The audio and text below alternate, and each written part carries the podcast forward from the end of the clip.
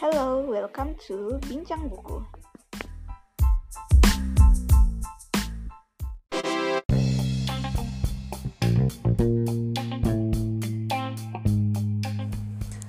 Hari ini itu uh, sebagai episode pembuka untuk review buku.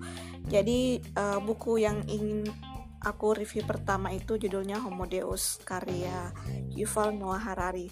Salah satu judul buku yang menurut aku cukup menarik karena ini menceritakan tentang bagaimana uh, karakter atau bagaimana manusia masa depan.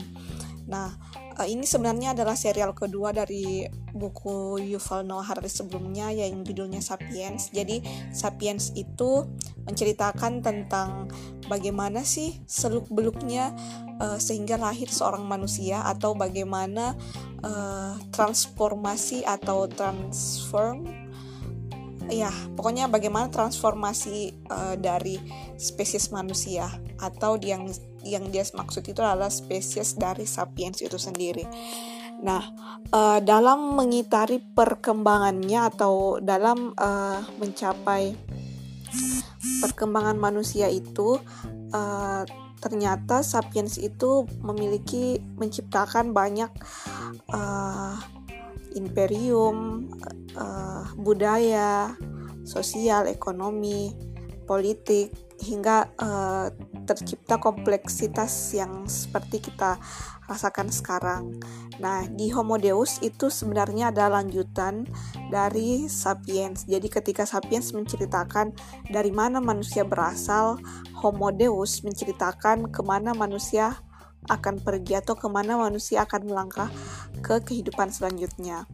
Nah, uh, Homo Deus ini uh, erat kaitannya dengan perkembangan teknologi yang sekarang semakin pesat, kemudian uh, melahirkan sebuah budaya baru, kemungkinan akan melahirkan agama baru, entah itu apa. Uh, Homo Deus juga menarik perhatian saya karena menurutku uh, prediksi atau ketakutan dari penulis itu semakin hari semakin nyata. Jadi uh, Homo Deus itu meniti beratkan uh, terjadi karena adanya uh, kecerdasan kecerdasan intelijensi yang semakin pesat dan uh, perkembang pesatnya algoritma yang tidak terdeteksi uh, atau tidak tertebak entah ke mana arah dari perkembangan ini. Uh, Homo Deus juga menceritakan uh, mungkin kelak atau beberapa tahun yang akan datang ada beberapa profesi yang kemungkinan punah.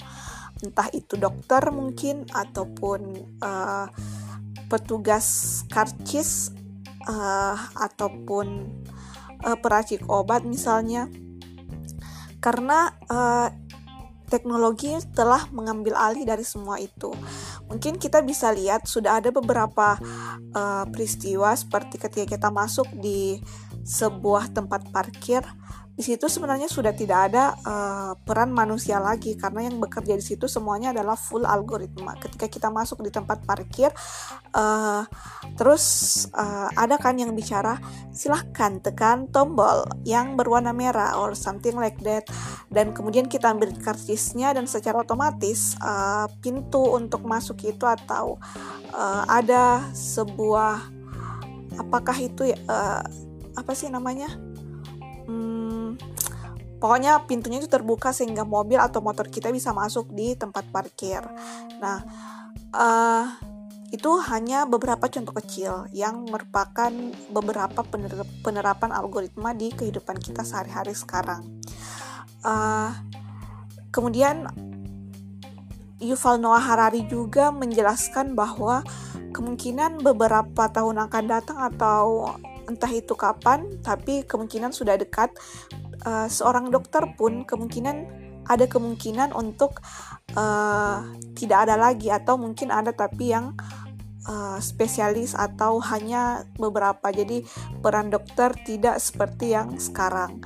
Nah, kenapa bisa seperti itu? Karena uh, sudah ada uh, algoritma algoritma tertentu yang bisa menjelaskan bahwa kita adalah kita menderita penyakit apa dengan menuliskan atau uh, algoritma itu mendeteksi bahwa kita kekurangan ini, kekurangan uh, kelebihan ini.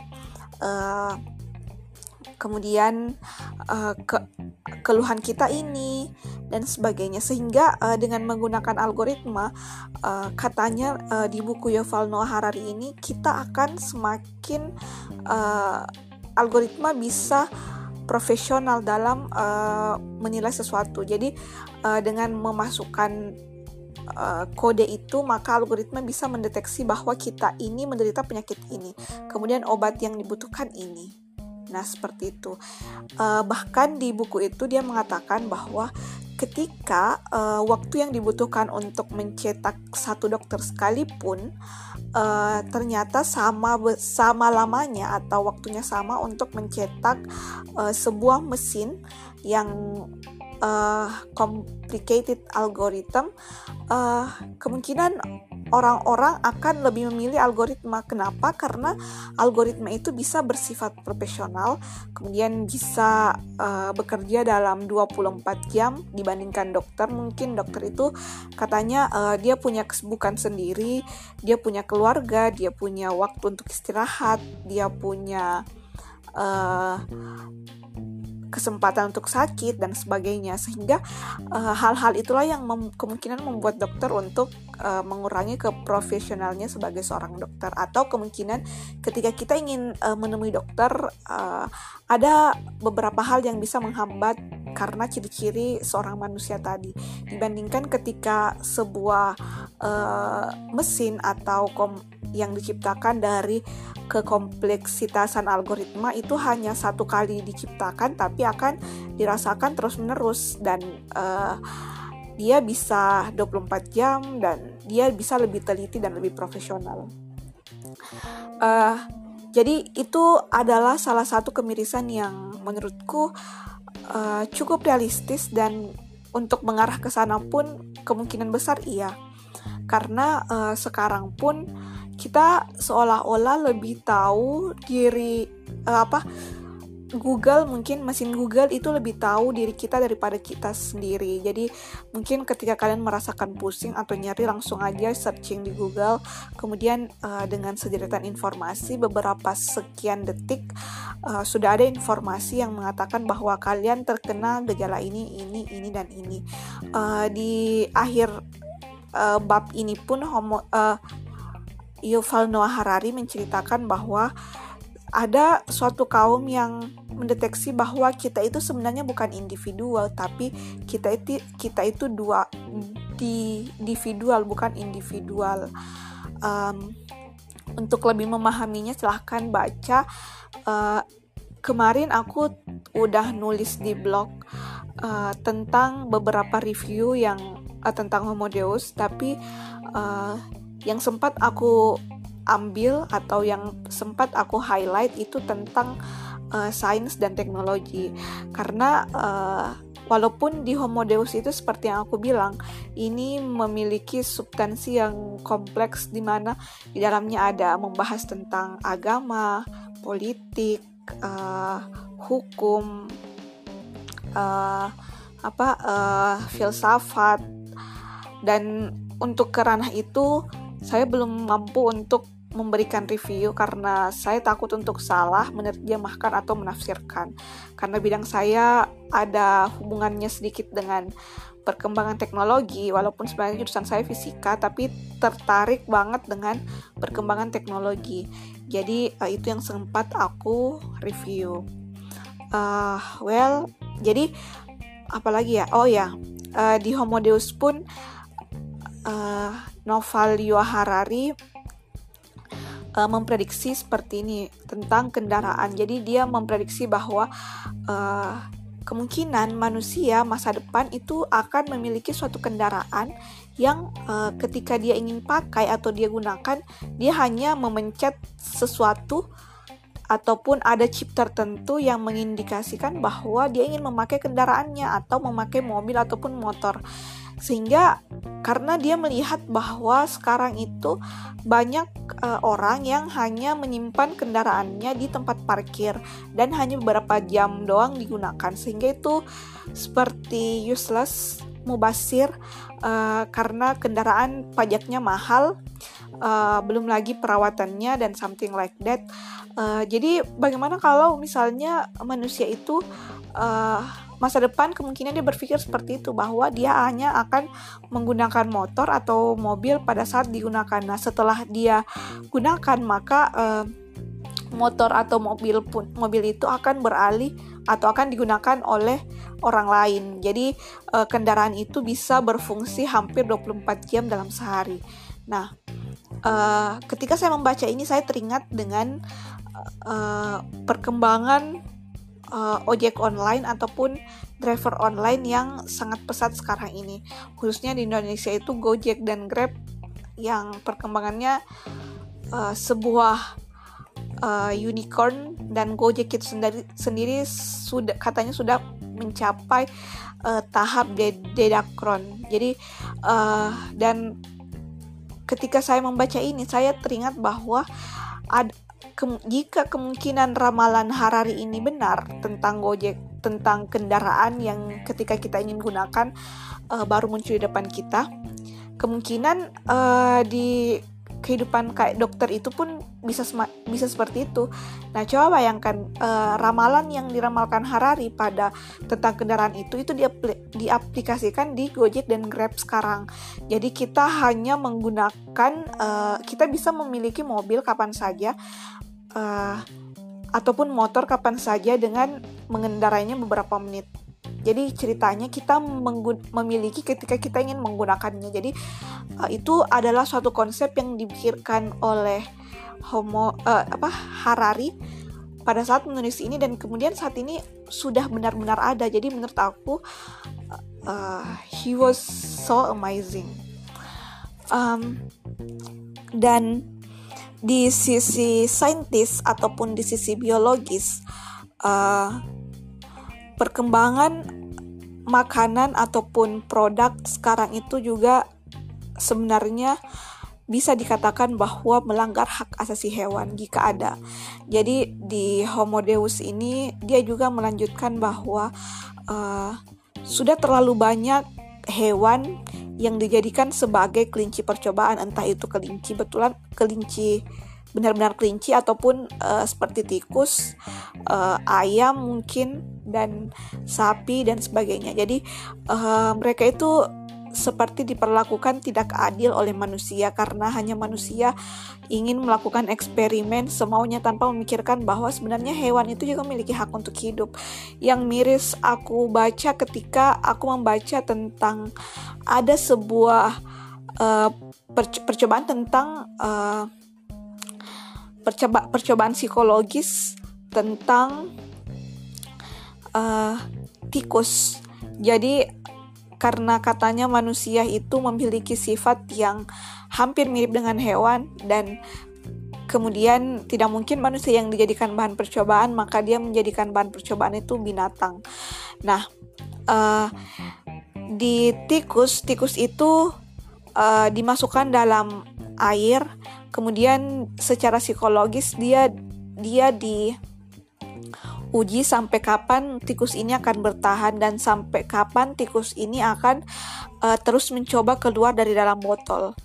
Nah, botol itu sebenarnya di botol itu diisi air. Dan kalau mau dipikir secara dipikir secara baik-baik lagi, uh, ada banyak hewan yang sekarang dimanfaatkan semau manusia seperti misalnya uh, apa seperti misalnya uh, telur. Telur sekarang bisa diproduksi uh, ayam bisa bertelur satu setiap hari. Nah itu karena uh, adanya uh, apa sih namanya itu yang di biologi itu? Uh, aku lupa apa sih. Pokoknya uh,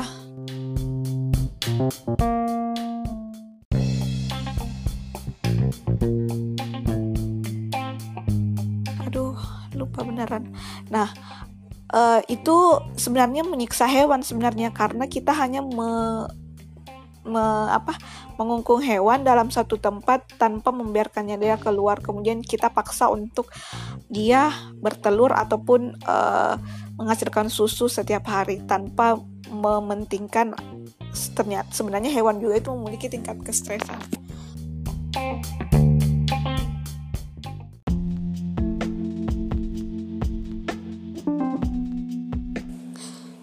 Berikut aku ingin membacakan sedikit uh, apa sih namanya sinopsis di buku Homo Deus ini. Nah, uh, Sapiens menunjukkan dari mana kita berasal, Homo Deus menunjukkan ke mana kita akan pergi.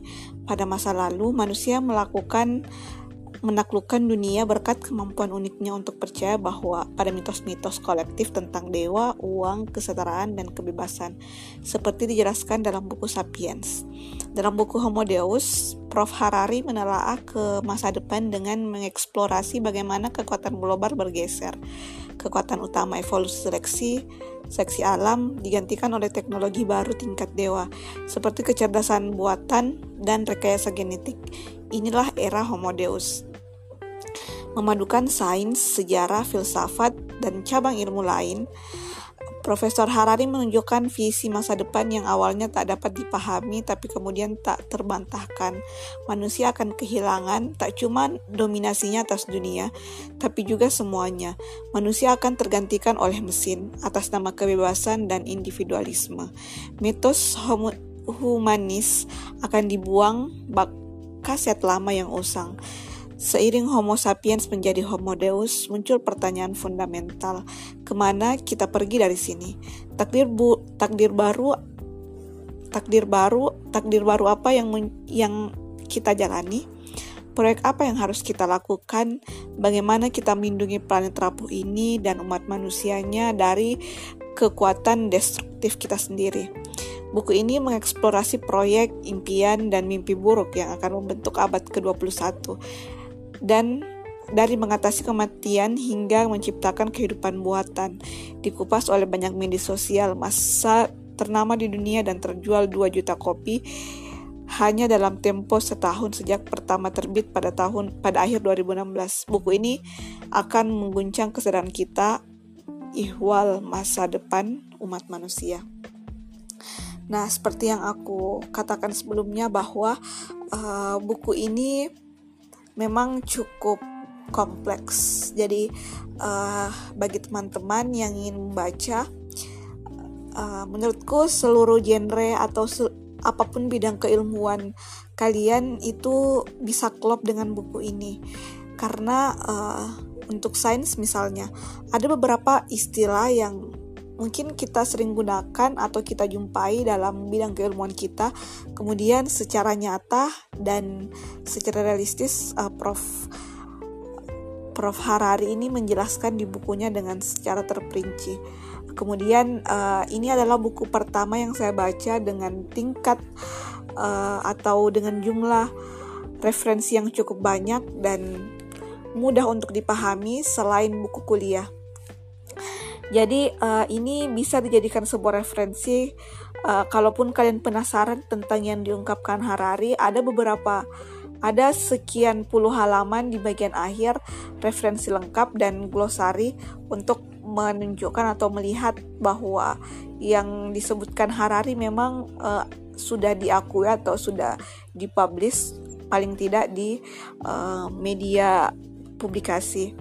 Kemudian uh, apa lagi ya? Mungkin itu saja tentang Homo Deus masa depan umat manusia. Jadi uh, sebagai awal jika ada yang mendengarkan podcast ini mohon uh, diberikan apresiasi ataupun kalau misalnya ada komentar bisa dikirimkan di email.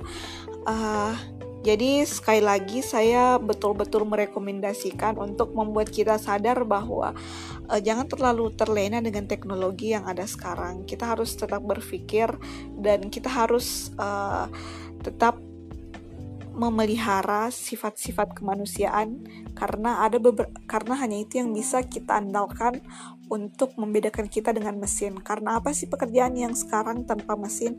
Everything about mesin. Jadi uh, mungkin sekian keep reading. Kalau misalnya ada teman-teman yang membaca kemudian ada rekomendasi buku untuk di review bisa dikirim aja langsung di email. Oke, okay, see ya.